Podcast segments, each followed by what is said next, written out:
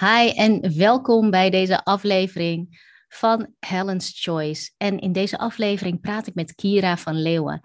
Kira is een succesvol onderneemster en uh, zij biedt met Start to Create een, uh, een oplossing voor het bedenken van creatieve oplossingen voor uitdagingen van organisaties. En Kira is zelf ook professioneel golfer geweest. En in ons gesprek hebben het dan ook over de mindset van een topsporter en hoe mindset eigenlijk een grote rol speelt ook in het ondernemerschap. Ik en Kira van uh, eigenlijk van een bijeenkomst met allemaal ondernemers. En sindsdien uh, hebben wij geregeld gesprekken over van alles en nog wat. En uh, nou, dit is absoluut een aflevering die je wilt beluisteren. Heel veel luisterplezier. En hier is het gesprek met Kira. Hi Kira, wat leuk dat je erbij bent in deze podcastaflevering. Welkom en uh, hartstikke tof dat je hierbij uh, bij wilde zijn en in gesprek wilde gaan over het ondernemerschap en over jou en uh, over jouw carrière als eh, topsporter. Ja, nou superleuk dat, uh, dat ik uh, ja, jou, uh, jouw vragen zeg maar, mag, mag beantwoorden. En dat we, ja, gewoon, waar, waar we het al eerder over hebben gehad, heel veel onderwerpen hebben wij tijdens onze, onze wandelingen besproken. En het is gewoon super tof om het daar weer met elkaar over te hebben. En ja, wellicht daarmee ook gewoon andere mensen te inspireren. Ja, kan je iets vertellen over hoe zeg maar een beetje jouw, jouw tijd als, als topsporter is, uh, is geweest? Wanneer was dat? En, en nou ja, wat, wat, uh, wat zijn een beetje de, de dingen die je daarvan hebt meegenomen uit jouw carrière?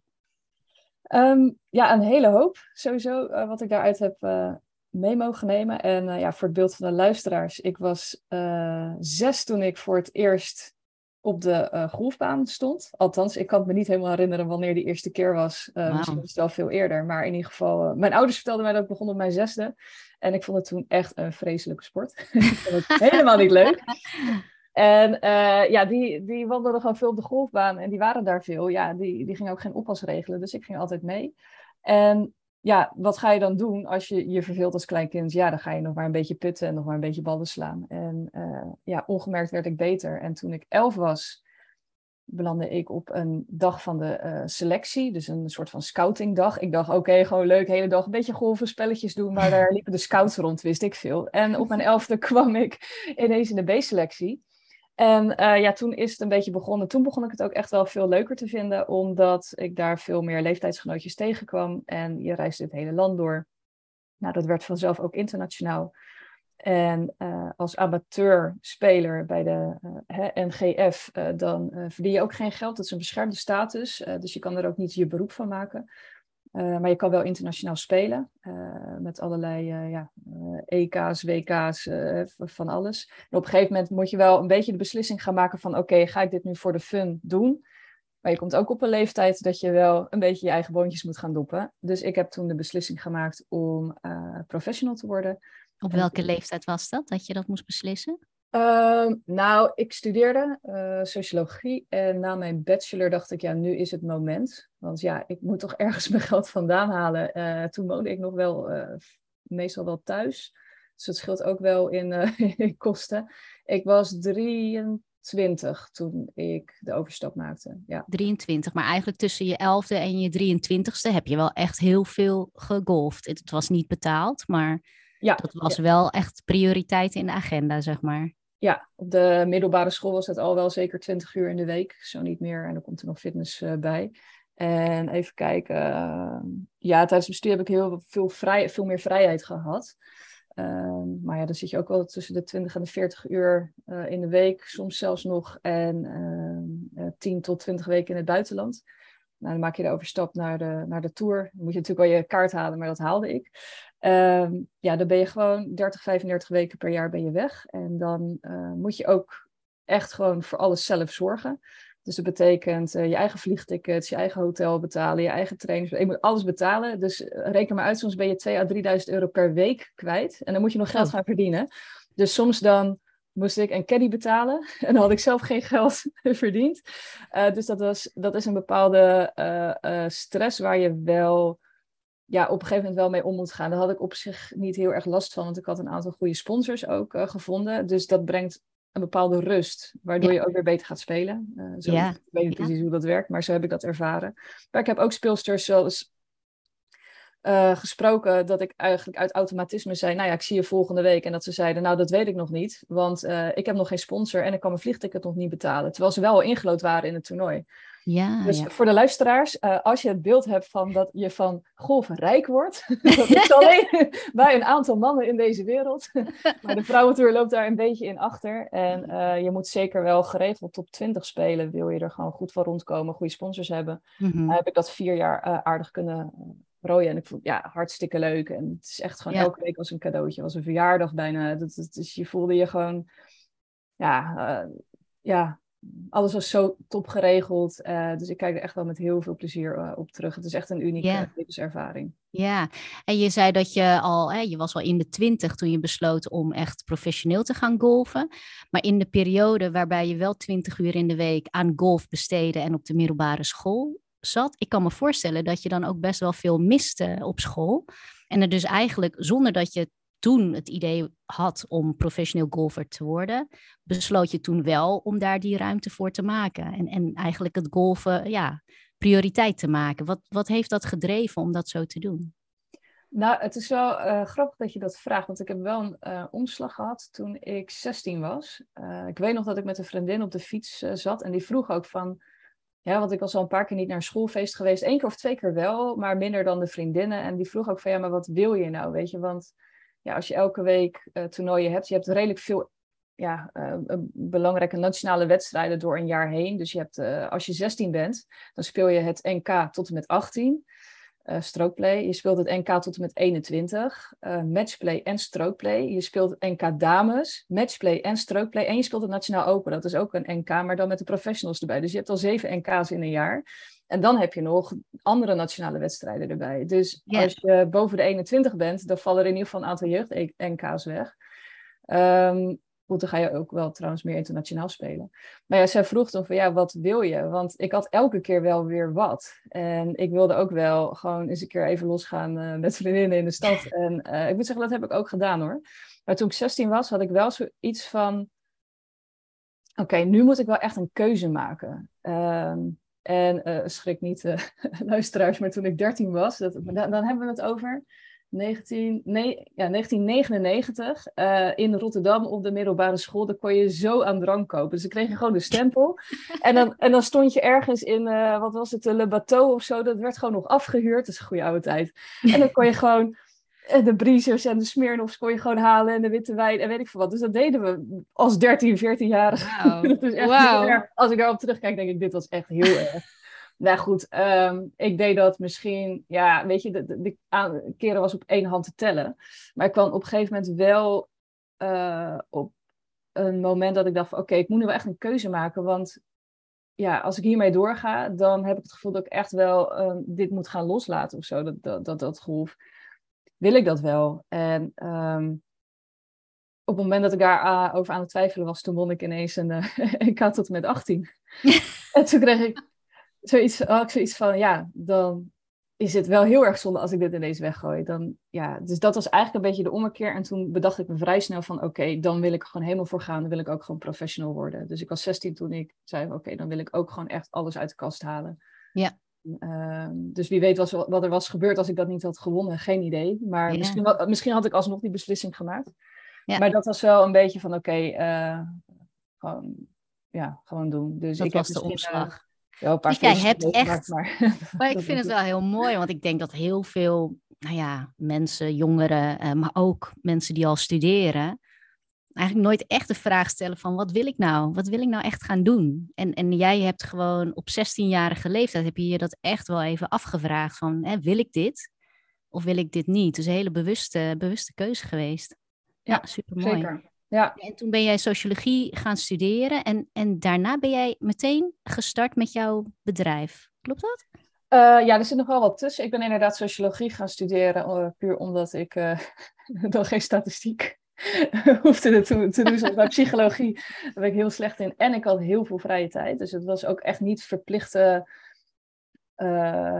ja, wat noem je colleges. Um, maar ja, ik, ik, ik moet zeggen, ik had het daar een beetje op uitgekozen. En een oom van mij had ooit uh, sociologie gestudeerd. En ik vond organisatiesociologie super interessant. Dus ik dacht, nou, als ik daar ooit in wil gaan afstuderen, uh, dan zal dat wel de richting zijn.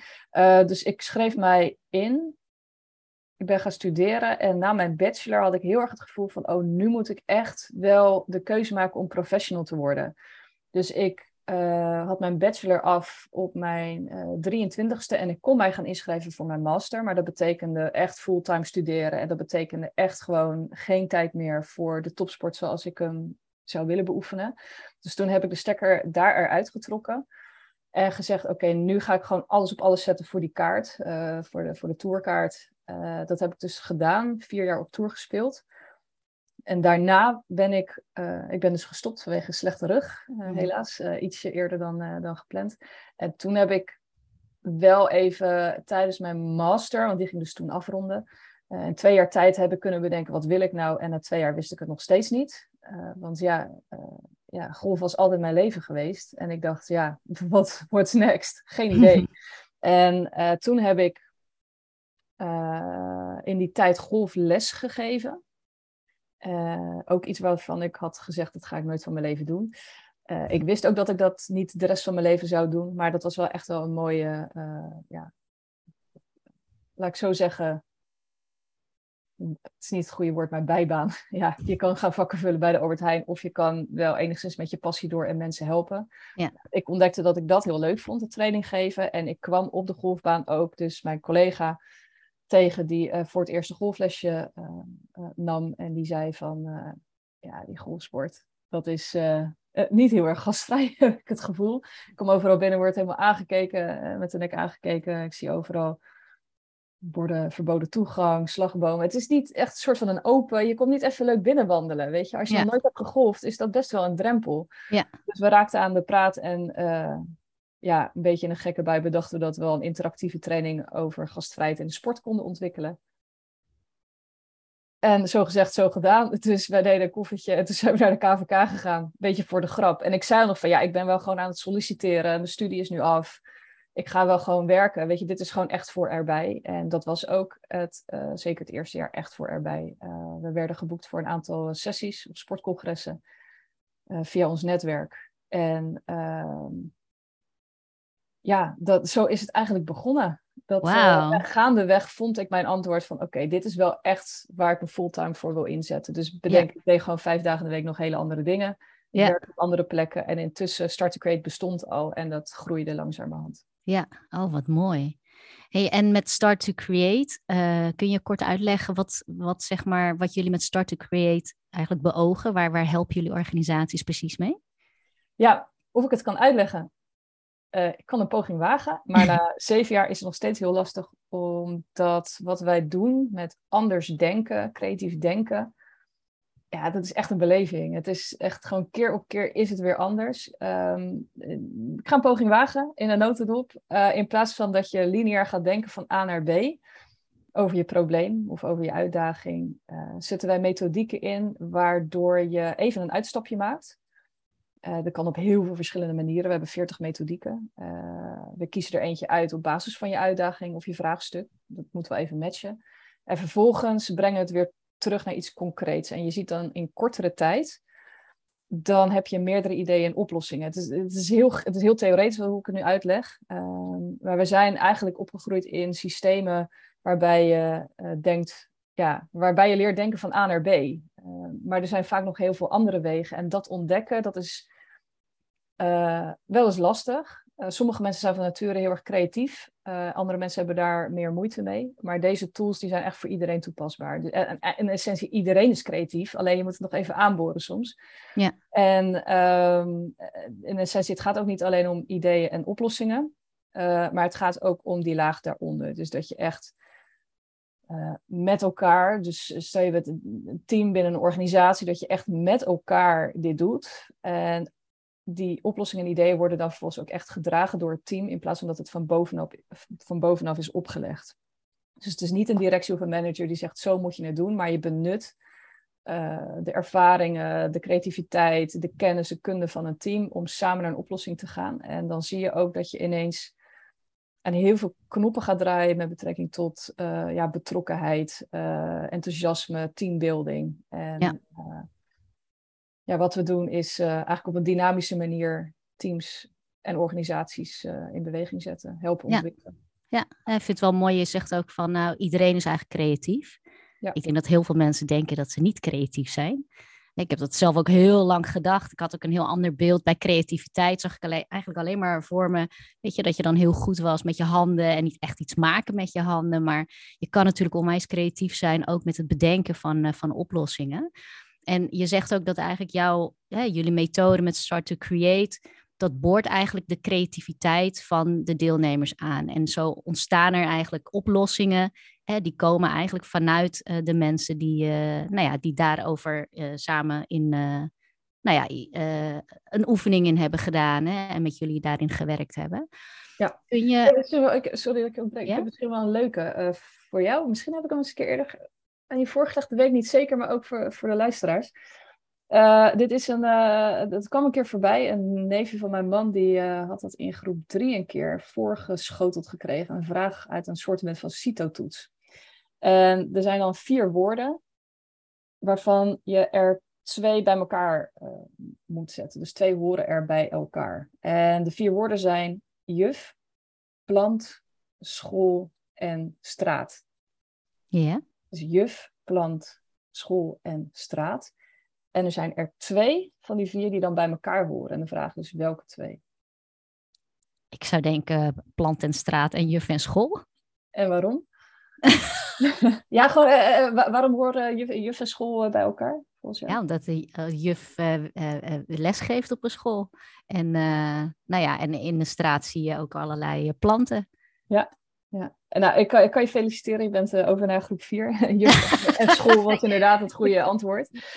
Um, ja, het grappige is dat eh, een neefje uh, van mijn man, die was uh, dus destijds zeven. En die zei, ja, juf en plant, die horen bij elkaar, want die zijn binnen.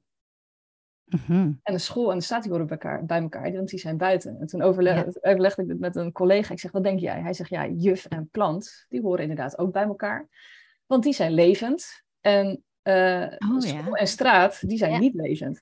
Dus zo heb je heel veel verschillende uh, interpretaties. Maar goed, um, uh, dat jongetje gaf dus als antwoord juf en plant. En toen kreeg hij terug van de juf. Ja, dat is fout. Want in, in, in, in, het systeem staat dat juf en school bij elkaar horen. Dus de jongen heeft vervolgens de rest van het jaar zijn hand niet durven opsteken. Dit is hartstikke creatief. Oh, ja. Maar die dacht van ja, maar als ik op deze manier denk, dan is het dus blijkbaar niet goed. Dus zo zie je maar dat in een schoolsysteem gemerkt of, of ongemerkt, uh, die oordelen erin sluipen. Dus ja, maar dat kan niet, uh, dat klopt niet. Ja.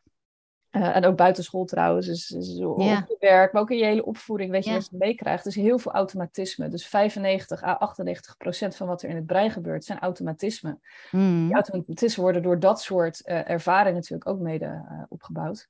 Ja. En, ja, dat is eigenlijk best wel zonde. Dus soms heb je gewoon even iemand anders nodig om jou eraan te helpen herinneren van... hé, hey, wacht eens even, wat zijn nou wel die mogelijkheden? Wat zijn nou wel kansen? Ja, dus, wij dus het zijn denk ik niet ja. eens alleen de, de automatismes en de structuren... die eigenlijk de creativiteit een beetje afstraffen. Doordat het niet klopt met, uh, nou ja, met, met wat gewoon is of wat, hè, wat geaccepteerd is. Ja. ja. ja. En als je kijkt naar creativiteit, hè, want dat is natuurlijk wel hè, waar, waar, waar je mee werkt met Start to Create. Zie je, zie je ook parallellen met, uh, met de golfsport, uh, dat je daar ook creativiteit voor nodig hebt?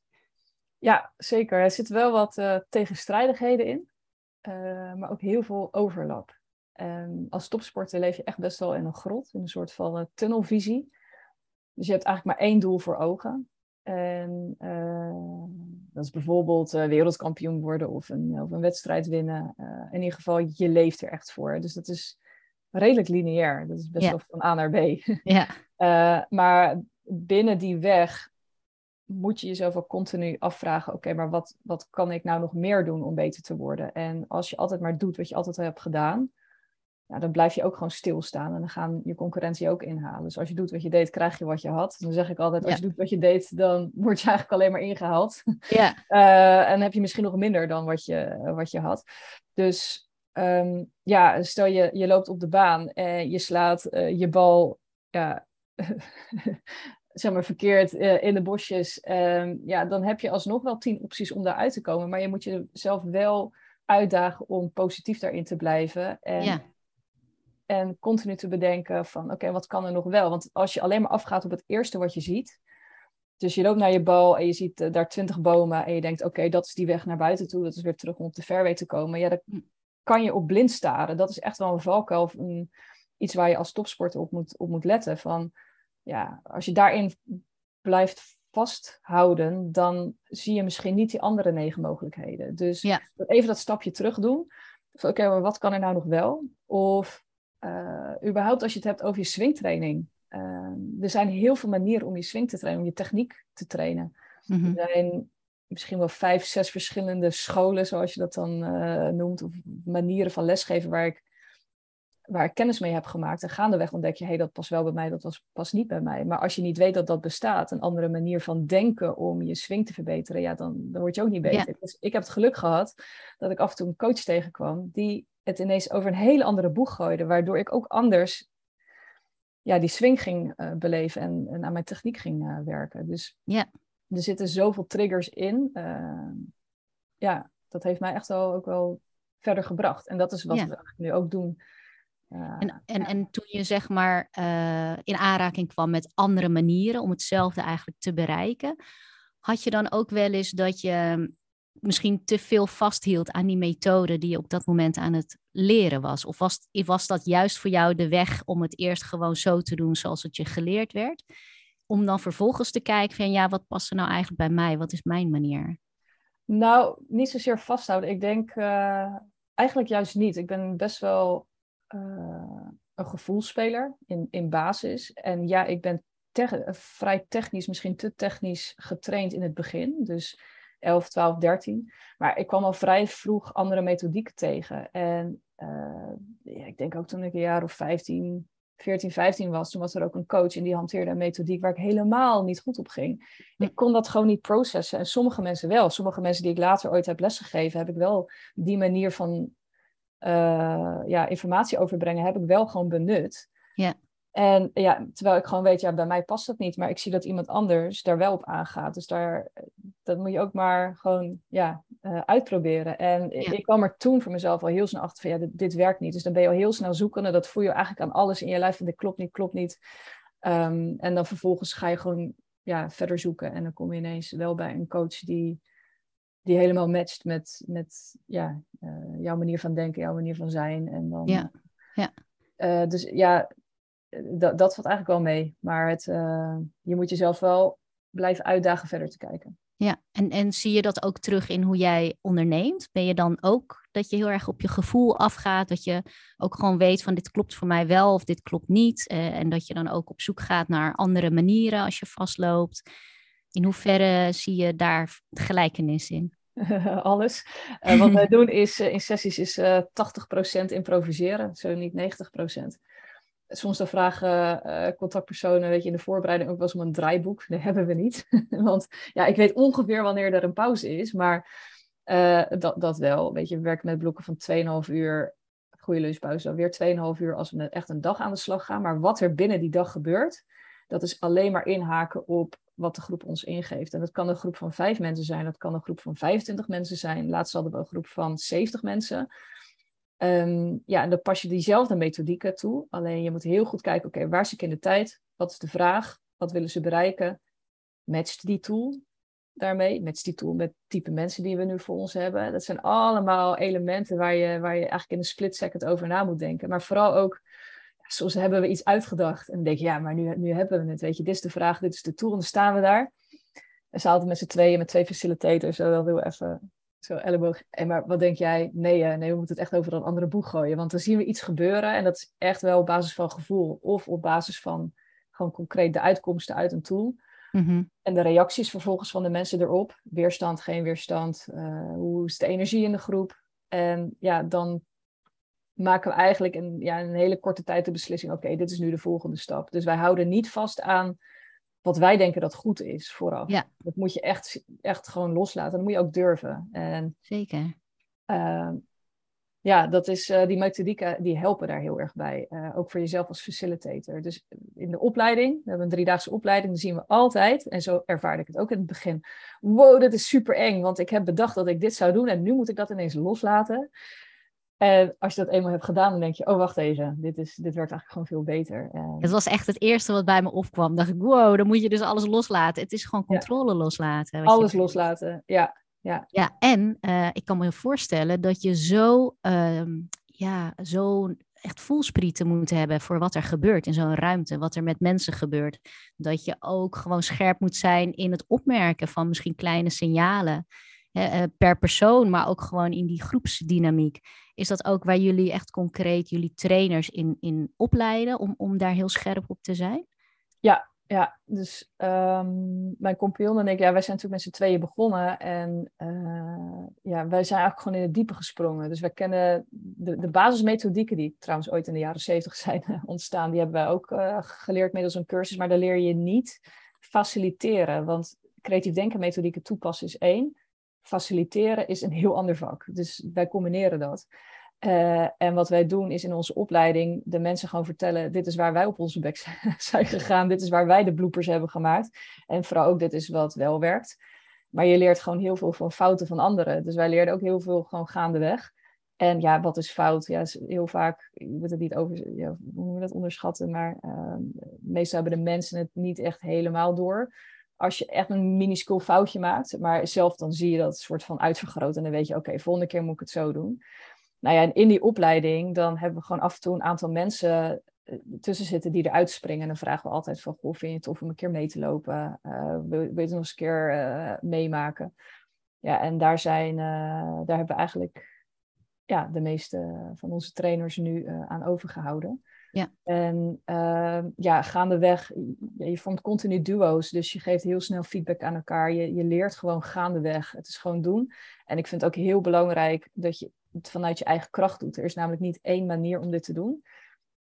Uh, we hebben allemaal verschillende persoonlijkheidskenmerken, stijlen. En het is gewoon heel tof om te zien dat iedereen vanuit zijn eigen ja, uh, krachtstel dit, uh, ja, mooi. dit weet toe te passen. En dan vul je elkaar ook weer aan. En dan ga je ook, als je een bepaalde flow daarin hebt met elkaar, dan ga je ook die details waar je het net over had, ga je eerder opmerken. Hoe zit iemand erbij? Weet je, een individu, maar ook een groepje wat doe je daarmee? Weet je, ga je er aandacht aan besteden of niet? Hoe, ga je, hoe ga je ervoor zorgen dat iemand die bijvoorbeeld niet helemaal mee is, niet alle aandacht opslokt, want je wilt wel door met de groep. Je, mhm. hoe, ga je, hoe ga je dat bepalen met elkaar? Ja, dat is, dat is echt een gevoelsding. Ja, ik denk dat het ook, uh, ook zo belangrijk is, dat, en dat is zo mooi aan jullie methode, is dat als jij voor zo'n groep staat en je doet het echt op jouw manier, wat voor jou goed werkt, dan kun je daarin een soort van ontspannen. En dan ben je eigenlijk ook veel uh, fijngevoeliger voor wat er bij een ander gebeurt. Dus eigenlijk, eh, net als bij, bij coaching, wat ik zelf doe, eh, als je heel erg ja, gegrond bent, zeg maar, eh, dan kan je echt openstaan voor allerlei signalen die, die gewoon ja, in de ruimte, zeg maar, uh, aanwezig zijn. Ja, ja, klopt zeker. En het is ook echt aanvoelen van wat past bij een groep.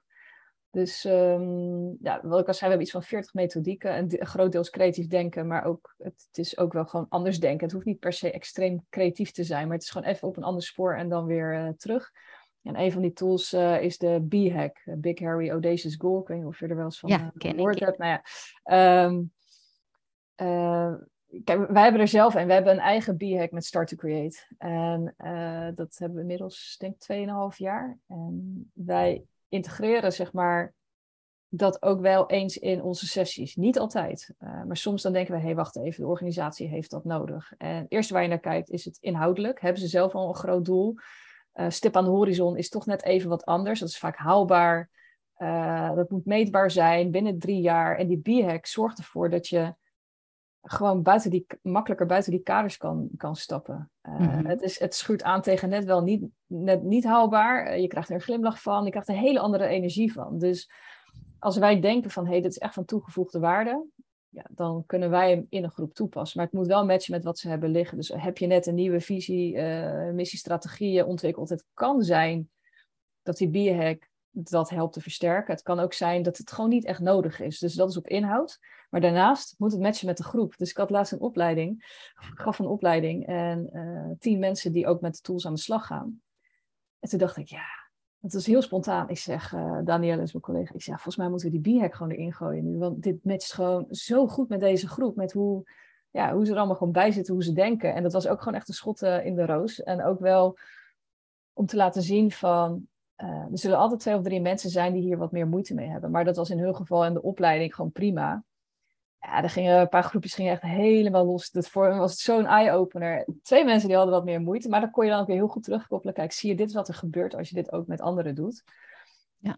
En uh, daarin leren we dus ook mensen het gewoon op hun gevoel af te gaan. Er is, ja, je kan iets bedenken. Laat mij een sessie voorbereiden en houden, dan doe ik het op deze manier. En mijn collega's zal het misschien net op een iets andere manier doen. Ja. Uh, maar dan wel op een manier die vanuit jezelf past bij de groep. Ja, ja heel mooi hoor. Hey, en als je kijkt naar jouw eigen ondernemerschap, hè? ik bedoel, het ondernemen dat is natuurlijk één grote, grote reis. Uh, en misschien ook in je, in je eigen ontwikkeling, denk ik dan ook wel. Uh, wat zijn voor jou misschien grote uitdagingen geweest en hoe, hoe ben je daarmee omgesprongen? Um, nou, mijn grootste uitdaging voor mij persoonlijk was, uh, ik heb een leven lang in, uh, in de golf gezeten. Dus mijn hele netwerk bestond uit uh, niet alleen zozeer golfers of goede spelers, maar vooral um, iedereen die ik daar gewoon had ontmoet. Dus ook sponsors, weet je, bedrijvendagen. En het is heel logisch om te bedenken van oké, ik ga mijn netwerk dus benutten om mijn onderneming neer te zetten. Maar wat er bij mij gebeurde, ik had een slechte rug. Ik ging echt drie, vier keer per jaar door mijn rug. Dat is ook de reden dat ik ben afgehaakt. Dus ik kon ook gewoon letterlijk geen bal meer slaan. Ik, ik, ik gaf golfles, uh, maar ik weet nog het allerlaatste weekend dat ik golfles gaf, was ik ook weer door mijn rug gegaan en ik liep gewoon krom, ik kon geen swing voordoen. Nou, ik ben gaan werken, weet je, je stroomt gewoon uit dat netwerk. Dus je, je houdt maar een paar contacten over. Dus wat ik gewoon, ja, dat vond ik in het begin heel erg moeilijk. En op een gegeven moment dan loopt dat wel. Maar echt gewoon van nul of aan, zonder netwerk eigenlijk, je uh, bedrijf uh, opzetten. Ja, ja. Goed, ik had toch al met een aantal mensen kunnen lunchen of zo. Maar het is een hele andere beleving.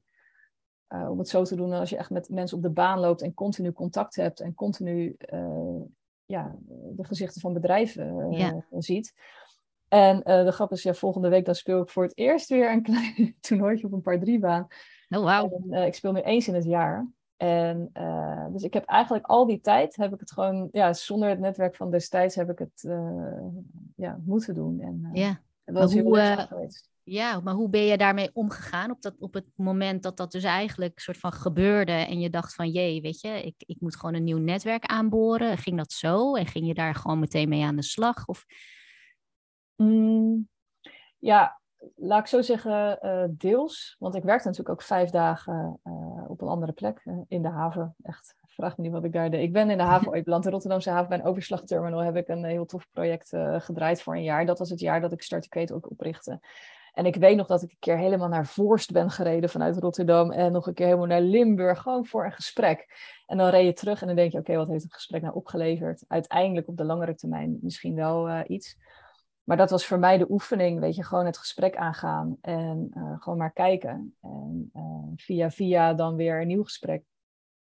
Mijn compagnon, die had wel een iets groter netwerk en die heeft ook nog andere onderneming lopen. En vanuit daar hebben we niet zo heel veel gedaan, maar het is wel de mindset van ondernemen, uh, wat ik van hem ook wel heb geleerd, zeg maar. Of ik heb wel eens gezien hoe hij dan weer gesprek voert vanuit een hele andere stijl ja, dan pak je ook alweer de dingen uit waarvan je zegt, oké, wacht even, dat past wel bij mij. En nou ja, een aantal netwerkclubs uitgeprobeerd, maar niet echt uh, gevonden wat bij mij uh, past. Dus ik moet zeggen, ik ben ook niet bij nou, een BNI of een Business Open of een ander soortement van netwerk waar je regelmatig terugkomt. Dat is ook nooit mijn basis uh, geweest, maar vooral ja, voortborduren op de, de mensen die je kent. En, ja.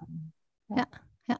Hey, nou ben je ook uh, moeder geworden. Je bent ondernemer en moeder. Hoe, hoe is dat voor jou geweest, zeg maar, om, om nu ook een, een ouder te zijn en, en, en ook gewoon een kind thuis te hebben en, en te ondernemen en training te geven enzovoorts. Hoe, hoe ga je daarmee om? Ja, uh, ik moet zeggen, het gaat verbazingwekkend goed, vind ik. ja, het is, het is af en toe een beetje passen en meten, maar we hebben wel redelijk ja, hoe noem je dat? Ehm, structuur gevonden in de week. De, de, vrijdag, dan, dan is dat mijn dag samen met uh, Julian, dus mijn inmiddels driejarige zoontje. Heel af en toe komt er ook nog een woensdag bij. Ehm, maar in essentie, uh, ja, elke week bij mij ziet er anders uit. Dus ik heb ook wel eens dat ik twee avondsessies geef, of een keer in het weekend. Of ik moet naar ja, ergens in Twente of gewoon Noordoost-Nederland uh, of uh, echt gewoon helemaal het Zuidoosten om een, een, sessie te begeleiden. Ja, dan kan ik of heel vroeg weg of heel laat terugkomen. Dus dan moet je eigenlijk elke week bedenken, oké, hoe ziet nu deze week eruit? Dus dat is de praktische kant en dan komen we eigenlijk altijd uh, uit. Mocht het nou echt niet uitkomen, ja, we zijn met z'n zessen. Dus er is altijd wel een andere persoon die ook kan. Je moet altijd wel even letten op dubbele boekingen. Dus ja. Nou, dat scheelt enorm, hè? Dat je een team om je heen hebt en niet alles uh, in je eentje doet, zeg maar. Ja, dus dat is één. En ten tweede, ja, Julian die was denk ik een half jaar toen corona uh, uitbrak. Ja, ietsje, ietsje ouder dan een half jaar. Dus ik heb toen een hele periode gehad dat ik dus met hem thuis was. En ik weet nog dat ik dan dat was mei of juni. En dat ik dan in het zonnetje met hem maar gewoon in de wagen aan het wandelen was. Met telefoon aan mijn oor. En dan ging ik maar gewoon mensen bellen om te vragen: Weet je, hoe is het met je? Nou ja. En, en, hoe gaan jullie hier nu mee om? En ja, dan was ik gewoon op die manier uh, bezig. Maar ja, alle sessies waren, uh, waren twee of drie maanden dat we geen sessies gaven. Maar al snel konden we overschakelen naar online. Ja. Dus dat deden we een hele periode. aantal sessies met vier, vijf mensen, dat kon nog wel. Maar voor de rest, ja, grote groepen was allemaal online. Wij waren heel snel omgeschakeld en daar klaar voor. En dat, dat liep echt als een trein. We zijn er ook onwijs in gegroeid. Maar dat betekende wel s'avonds tussen 7 en 9 of tussen 7 en 10 zat ik hierboven. En dan hoorde je beneden gekrijs. dan denk ik, oh ja, hij is nu zijn tanden aan het poetsen. Dus uh, op een gegeven moment heb ik ook maar gezegd, oké, dit doe ik wel s'avonds op kantoor. Dus ik weet nog dat ik met mijn uitgeprinte A4'tje uh, over de snelweg reed in de hoop van, oh, als ik maar niet aangehouden word, weet je, met die lockdown. Je moet wel kunnen aantonen dat. Nou, oh, ja, die ja, avondklok, weet je nog. Uh, maar goed, dat, dat kon gewoon, weet je, dus er is niks aan de hand. Maar dat is wel een hele rare periode. Dus, ja. Ja, ik kan me voorstellen. Maar wat knap dat jullie zo snel hebben kunnen schakelen naar het online gebeuren, wat jullie toen nog niet uh, helemaal hadden staan, zeg maar. Ja, ja, ja. Dat, dat, is uh, een, uh, ook wel dankzij een aantal opdrachtgevers die het met ons aandurfden. ja. Dus we deden een traject met jong professionals uit de sport en die zouden een plan presenteren aan VWS. Ja, daar hadden we één sessie fysiek mee gedaan. En het was gewoon zo tof, zo'n leuke groep die wilde. En die wilde ook door. Dus we zeiden, nou weet je wat, hebben het een en ander getest en uh, we gaan gewoon door. Dus toen, uh, ja, dan doe je eigenlijk strategische sessies verder online. En die hebben uiteindelijk iets heel tofs kunnen presenteren aan het uh, ministerie. En, en dan zie je ook gewoon dat het werkt. En je wordt zoveel korter, concreter, strakker in alles wat je doet. Want het moet in twee uur, weet je, na twee uur zijn mensen echt gewoon helemaal op. Dus normaal heb je tweeënhalf uur. Dus in kortere tijd print screen. Je hoeft niet al foto's te maken van al die vellen die we er doorheen jassen, normaal in fysieke sessies. Dus uh, nee, je ziet ook online, het, de resultaten doen niet onder voor in het echt. En nee. dat had ik eigenlijk, in het begin had ik dat niet gedacht.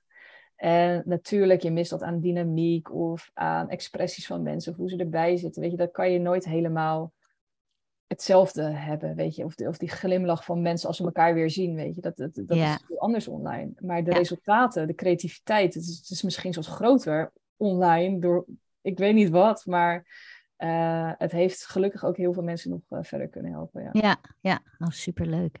Hey, en eh, wat, als je kijkt naar wat succes voor jou betekent nu, hè, nu je onderneemt en hoe dat misschien was toen je professioneel golfer was. Hoe is dat nu en, en is daar verschil in, in, in hoe je daar vroeger tegenaan keek? Goh, goede vraag zeg. Daar heb ik nooit echt over nagedacht. Ehm, ja, ja, de vraag is ook, wat is succes? Eh, met golf, dat, vind ik heel tekenend. Eh, je kan heel goed spelen en echt boven jezelf uitstijgen en derde worden of tweede worden, niet winnen. En ja, ik heb momenten gehad, ik, ik heb het ook meegemaakt en dan had ik daar compleet tevreden mee. Dan, dan dacht ik, wauw, weet je, ik heb nu zo, ik ben, ik ben echt gewoon ja, je personal best, dat is nooit echt te noemen in golf, maar dat je wel echt het beste uit jezelf hebt gehaald. Ja, daar Ja. kan, ik heel, heel, eh, heel blij mee, eh, mee zijn. En ik heb ook wel eens een wedstrijd gewonnen waarbij ik gewoon zes slagen heb verspeeld in de laatste negen holes en echt een, echt een rotgevoel eraan over heb gehouden, omdat ik niet het beste van mezelf heb kunnen laten zien. Ja, En uh, ja, dan moet je daar dan overheen zetten. Sommige mensen hebben daar totaal geen moeite mee. Die denken, nou mooi, ik heb gewonnen. En ik denk, ja, weet je, het had beter. Ja. En dus dat is wel de kleine perfectionisten in mij. en dus de vraag is, ja, wat is succes? Uh, een wedstrijd winnen of inderdaad je droom uh, verwezenlijken dat je, dat je pro bent geworden. Ja, dat is ook een vorm van succes. Maar ik denk ook vooral jezelf continu verbeteren en, en jezelf overtreffen of in een bepaalde flow raken. Weet je, ik, kan heel, ik kon heel erg genieten van flow en ik heb nu mhm. heel af en toe ook een moment in een sessie dat alles zo goed loopt. Weet je, dat je hele uitleg zo strak is, dat weet je, alles klopt. Ja, dat vind ik gewoon geweldig. Weet je, daar doe ik het ook voor. Dan, dan maakt het me bijna niet uit van of er nog een vervolgopdracht uitkomt of niet. Uh, of dat, ja, weet je, je maakt me niet uit, zeg maar, wat, wat daarna komt. Weet je, dat moment, dat is waar het gaat. En je ziet dan mensen glimlachen, je ziet dat je mensen vooruit hebt geholpen, dat ze aan de slag kunnen gaan met die uitkomsten. Maar vooral dat alles op elkaar aansluit. En dat is gewoon puur doordat je daar staat met je collega, elkaar soort van, uh, ja, naadloos dat je, dat je op elkaar inhaakt. En dat er weer een grapje komt. Ja, dat zijn echt wel hele mooie momenten. Ik, misschien is dat wel de grootste vorm van succes die je, die je kan boeken. Die, uh... Ja, als ik jou zo hoor, dan denk ik dat het vooral is het beste van jezelf geven. Ja, ja en ook in, in, het, in het moment zelf gewoon in je kracht staan. En dat, dat voelen, weet je, daar ook gewoon van genieten. Met een glimlach, weet je, van moet je eens kijken, weet je, wat we voor elkaar krijgen.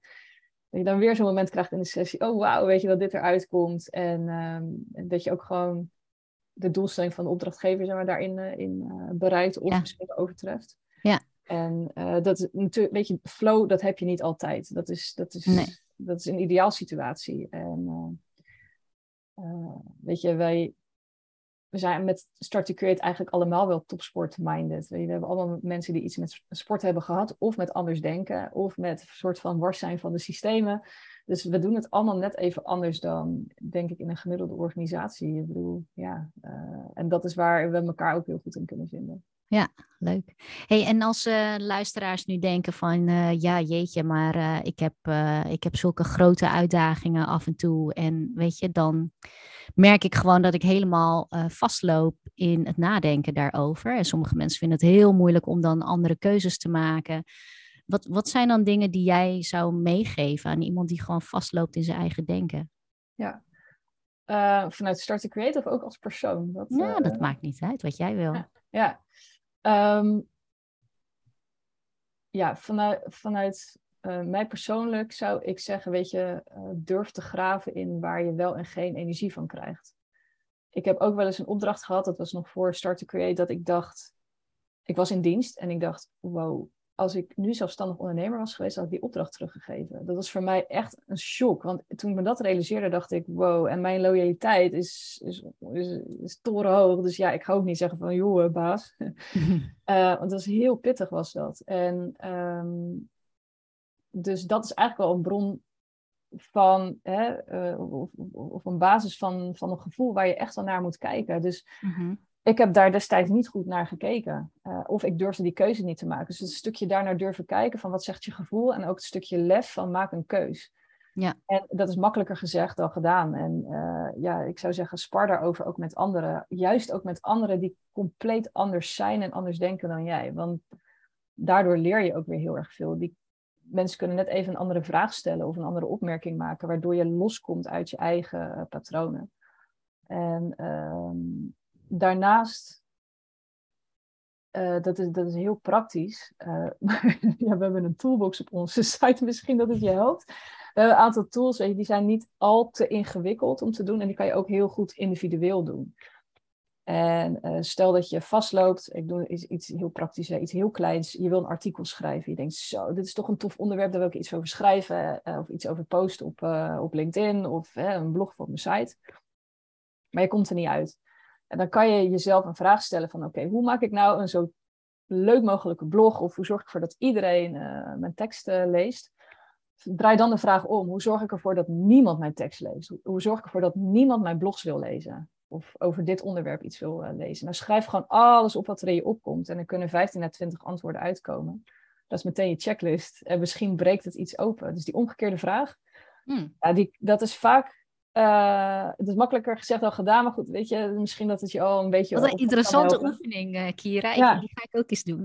ik ben heel benieuwd. Ik kan me, het is heel gek, hè, maar als je dat zo vertelt, en, en dan ga ik me voorstellen dat ik dat zou doen. Ik kan me gewoon bijna niet voorstellen dat ik daardoor juist uh, ideeën krijg. Nee, dat is gek, hè? Snap je? En, ja, en ik moet ook zeggen, de oplossingen zitten misschien hier nog niet in. Dat is ook wel weer een stap verder. Uh, dus wij we doen niet alleen deze tool en dat is het. Wij doen ook echt een innovatietool daarna. Uh, uh, om te bedenken, oké, maar wat kan er dan wel? Weet je, hoe zorg je dan wel voor dat, dat je boeiende content uh, maakt? Ja, ja. Um, goed, dus echt op content, dat, kan je op elk onderwerp, op elke vraag. Zolang je je vraag maar begint met hoe. Ja. En als je hem omkeert, het woordje geen of niet, probeer die te vermijden. Dus wij begonnen ooit in de sport. met sportverenigingen zaten we. En dan kan je zeggen, oké, hoe komen we nou aan nieuwe leden? dan kan je de vraag omdraaien ja, hoe zorgen we ervoor dat we geen nieuwe leden hebben? Ja, het woordje geen, weet, weet je, loopt niet helemaal lekker die vraag. Dus wat wij doen, is de vraag stellen, hoe jagen we nou alle leden weg? Hoe jagen we nou al onze leden weg? Je hebt je een beeldend, uh, er komt een glimlach op je gezicht en uh, dat, dat, dat lokt hele andere antwoorden uit. Oplossingen heb je nog niet, maar je hebt wel je allergrootste valkuilen in beeld. En vervolgens kan je bedenken, oké, wat wil ik dan wel? Ja. Dan heb je nog de innovatietools of noem het design thinking die je er achteraan kan plakken. Ja, mooie tool. Maar begin, begin, daar nou eens mee. En, ja. uh, keep it simple, dat is echt, uh, ik wil niet zeggen bij elke sessie of bij elke voorbereiding die we, die we hebben, maar in veel gevallen wel. Mensen willen altijd te veel. Echt, die willen alles tegelijk. Te, te, zoveel voor, nou ja, in, in, de tijd die er is. dus keep it simple. Schrijf je vragen op, maak er een hoe-vraag van dat breekt ook de weg open naar denken in kansen en mogelijkheden. In plaats van een waarom vraag waar vaak een lading in zit. Of een wat of een welke vraag. Krijg je een opsomming van wat je allemaal hebt geprobeerd. Dus die hoe-vraag. En maak ze kort. Hou ze simpel. Uh, ja, weet je, dat is, uh, ja, het is, het is lastig om dat nu eventjes zo 1, 2, 3 mee te geven. Maar dat is denk ik wel een goede basis. En dan ja. uh, kunnen een aantal tools kunnen je wel verder helpen. Mooi. En de rode kaart. De rode kaart. Oh. Ja, ja, die rode kaart, joh. Dat, uh, die staat ook op onze site. Die zit ook in de toolbox. Uh, dus de voorkant gewoon de rode kaart. Je hebt de rode kaart te pakken. En op de achterkant heb je twintig uitspraken uit ja, de gemiddelde vergadering. Of misschien wel je eigen brain dump als je, als je vastloopt als ondernemer. Ja, maar dat kan niet. Het kost te veel geld. Hebben we al eens een keer geprobeerd. Weet je, er zijn echt twintig van die typische uitspraken die iedereen herkent. Uh, nou, hou die ernaast. Weet je, bedenk continu van en wat kan er wel? Wat kan er nog meer? En hoe kan dit misschien wel? Misschien heb je al eens eerder iets bedacht en denk je, ja, maar dat lukt niet. Heb ik al geprobeerd. Oké, en hoe kan het wel? Uh, dat, is, dat is, vergt wat training. Maar als je dat nou elke week een keertje doet, weet je, als je een momentje pakt voor jezelf. Je kan jezelf daarin trainen. Je kan nieuwe verbindingen aanmaken in je brein om daar beter in te worden. Ja, oh, hele mooie tools. Echt uh, hartstikke leuk. Uh, nou, in de show notes uh, zal ik ook zeker jouw link opnemen, zodat mensen het makkelijk kunnen vinden, jullie toolbox. En dus eigenlijk wat jij wil meegeven aan mensen die vastlopen in hun eigen, eigen denken eigenlijk, is ten eerste wees eerlijk over, nou ja, hè, wat er nou echt aan de hand is. Eerst eerlijk naar jezelf toe. En durf dan ook echt gewoon wat dieper te graven dan je in eerste instantie zou doen. En het andere is eigenlijk, uh, nou ja, verwijzing naar de verschillende tools die jullie uh, hebben opgenomen in die toolbox. Uh, om dingen en simpel te houden en om, nou ja, misschien soms ook te, gewoon te beginnen met wat werkt er niet. Hè, wat, wat moet je juist niet doen om eigenlijk vanuit die weg het ook weer om te kunnen draaien en te kijken wat kan er eigenlijk wel. Echt supergoed. Ja. Is er nog iets wat jij afsluitend zou willen zeggen tegen de luisteraar of nou ja, überhaupt nog iets wil delen? Um, nou ja, uh, geen idee. Ja, ik kan, heel veel zeggen, ik kan heel weinig zeggen. Um, ja, eh, laat ik zo zeggen, geniet ervan. Dus dat is misschien nog wel een mooie, mooie afsluiter met topsport. Het klinkt allemaal als uh, roze en maneschijn, maar het is echt niet altijd leuk. Weet je, het is echt wel eens af en toe doorbijten, doorbijten. En dat je jezelf afvraagt van, ja, heb ik wel een goede keuze gemaakt? Vind ik het eigenlijk ook wel leuk? Dus de valkuil. Ik heb ook echt wel vriendinnen en andere spelers op een gegeven moment zien afhaken omdat ze hun geluk er niet in vonden. En dat is super zonde.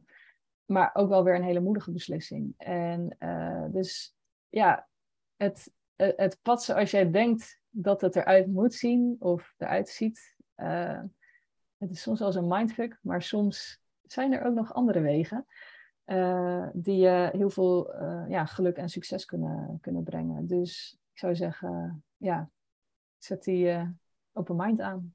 Ja, volg je eigen geluk eigenlijk, zeg je dan. Ja, en het zal zoektocht zijn voor, voor sommige mensen of op sommige momenten voor jezelf. Ehm, maar daarin, ik, ik geloof dat je uiteindelijk dan wel het beste uit, je, uit jezelf en je onderneming kan gaan halen. Ja, nou hartstikke mooi. Het is een hele mooie afsluiting van ons uh, supermooie gesprek.